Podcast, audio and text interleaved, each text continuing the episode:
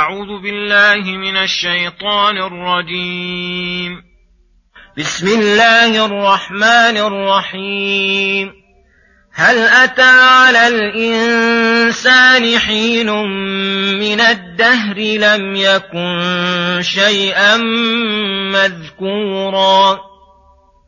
إنا خلقنا الإنسان من نطفة أمشاج نبتليه فجعلناه سميعا بصيرا إنا هديناه السبيل إما شاكرا وإما كفورا إنا أعتدنا للكافرين سلاسل وأغلالا وسعيرا إن الأبرار يشربون من كأس كان مزاجها كافورا عينا يشرب بها عباد الله يفجرونها تفجيرا يوفون بالنذر ويخافون يوما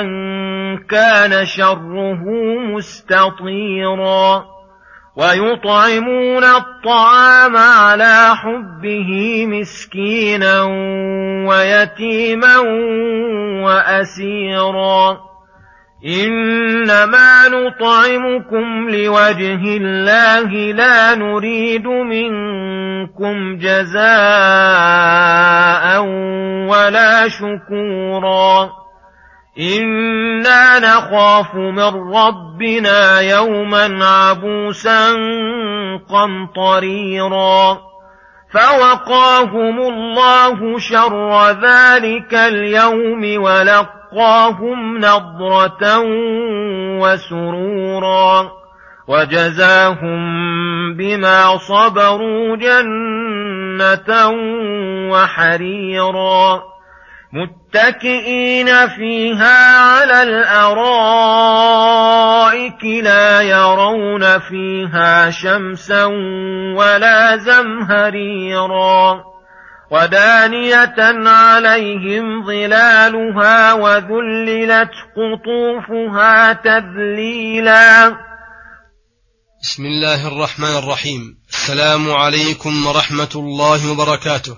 يقول الله سبحانه هل أتى على الإنسان حين من الدهر لم يكن شيئا مذكورا؟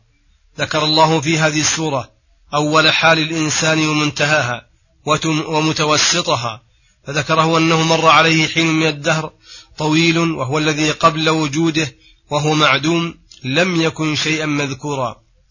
ثم لما أراد خلقه خلق أباه آدم من طين ثم جعل نسله متسلسلا من نطفة أمشاج أي ماء مهين مستقذر. نبتليه بذلك لنعلم هل يرى حاله الأولى ويتفطن لها أم ينساها وتغره نفسه. فأنشأه الله وخلق له القوى الظاهرة والباطنة كالسمع والبصر وسائر الأعضاء فأتمها له وجعلها سالمة يتمكن بها من تحصيل مقاصده.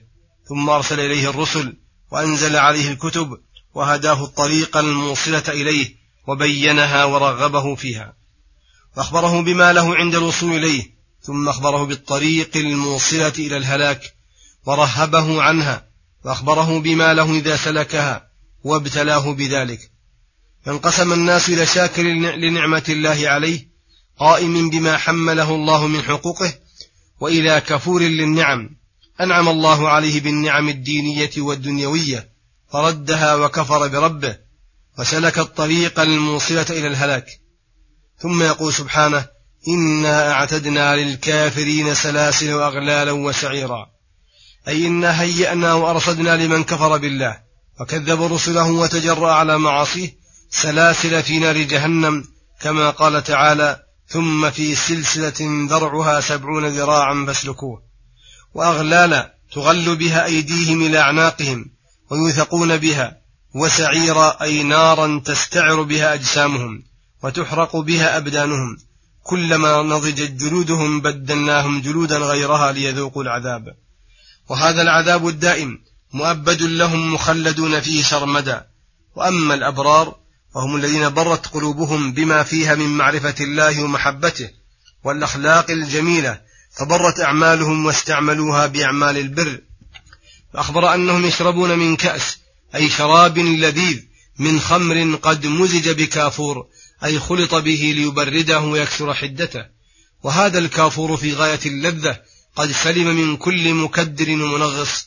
موجود في كافر في كافور الدنيا. فإن الآفة الموجودة في الدنيا تعدم من الأسماء التي ذكرها الله في الجنة كما قال تعالى في سدر مخضود وطلح منضود وقال وأزواج مطهرة لهم لهم في لهم في لهم دار السلام عند ربهم وفيها ما تشتهيه الأنفس وتلذ الأعين. عينا يشرب بها عباد الله أي ذلك الكأس اللذيذ. الذي يشربونه لا يخافون نفاده بل له مادة لا تنقطع وهي عين دائمة الفيضان والجريان. يفجرها عباد الله تفجيرا أن شاءوا وكيف أرادوا فإن شاءوا صرفوها إلى البساتين الزاهرات أو إلى الرياض النظرات أو بين جوانب القصور والمساكن المزخرفات أو إلى أي جهة يرونها من الجهات المنقات. ثم ذكر جملة من أعمالهم فقال يوفون بالنذر أي بما ألزموا به أنفسهم من النذور والمعاهدات. وإذا كانوا يوفون بالنذر الذي هو غير واجب في الأصل عليهم إلا بإيجابهم على أنفسهم كان فعلهم وقيام بالفروض الأصلية من باب أولى وأحرى ويخافون يوما كان شره مستطيرا أي قاسيا منتشرا فخافوا أن ينالهم شره فتركوا كل سبب موجب لذلك. ويطعمون الطعام على حبه أي وهم في حال يحبون فيها المال والطعام ولكنهم قدموا محبة الله على محبة نفوسهم ويتحرون في إطعامهم أولى الناس وأحوجهم أولى الناس وأحوجهم مسكينا ويتيما وأسيرا فيقصدون بإنفاقهم وإطعامهم وجه الله تعالى ويقولون بلسان الحال إنما نطعمكم لوجه الله لا نريد منكم جزاء ولا شكورا. أي لا جزاء ماليا ولا ثناء قوليا. إنا نخاف من ربنا يوما عبوسا أي شديد الجهمة والشر قمطريرا أي ضنكا ضيقا. فوقاهم الله شر ذلك اليوم فلا يحزنهم الفزع الأكبر وتتلقاهم الملائكة هذا يومكم الذي كنتم توعدون. ولقاهم أي أكرمهم وأعطاهم نظرة وسرورا في قلوبهم فجمع لهم بين نعيم الظاهر والباطن وجزاهم بما صبروا على طاعته فعملوا ما أمكنهم منها وعن معاصيه فتركوها وعلى أقداره المؤلمة فلم يتسخطوها جنة, جا جنة جامعة لكل نعيم سالمة من كل مكدر منغص. وحريرا كما قال تعالى ولباسهم فيها حرير ولعل الله إنما خص الحرير لأنه لباسهم الظاهر الدال على حال صاحبه متكئين فيها على الأرائك الاتكاء التمكن من الجلوس في حال الطمأنينة والراحة والرفاهية. والأرائك هي السرر التي عليها اللباس المزين لا يرون فيها أي في الجنة شمسا يضرهم حرها ولا زمهريرا أي بردا شديدا. بل جميع أوقاتهم في ظل ظليل لا حر ولا برد. بحيث تلتذ به الأجساد ولا تتألوا من حر ولا برد ودانية عليهم ظلالها وذللت قطوفها تذليلا أي قربت ثمراتها من كل من مريدها تقريبا ينالها وهو قائم أو قاعد أو مضطجع. وصلى الله وسلم على نبينا محمد وعلى آله وصحبه أجمعين وإلى الحلقة القادمة غدا إن شاء الله. والسلام عليكم ورحمة الله وبركاته.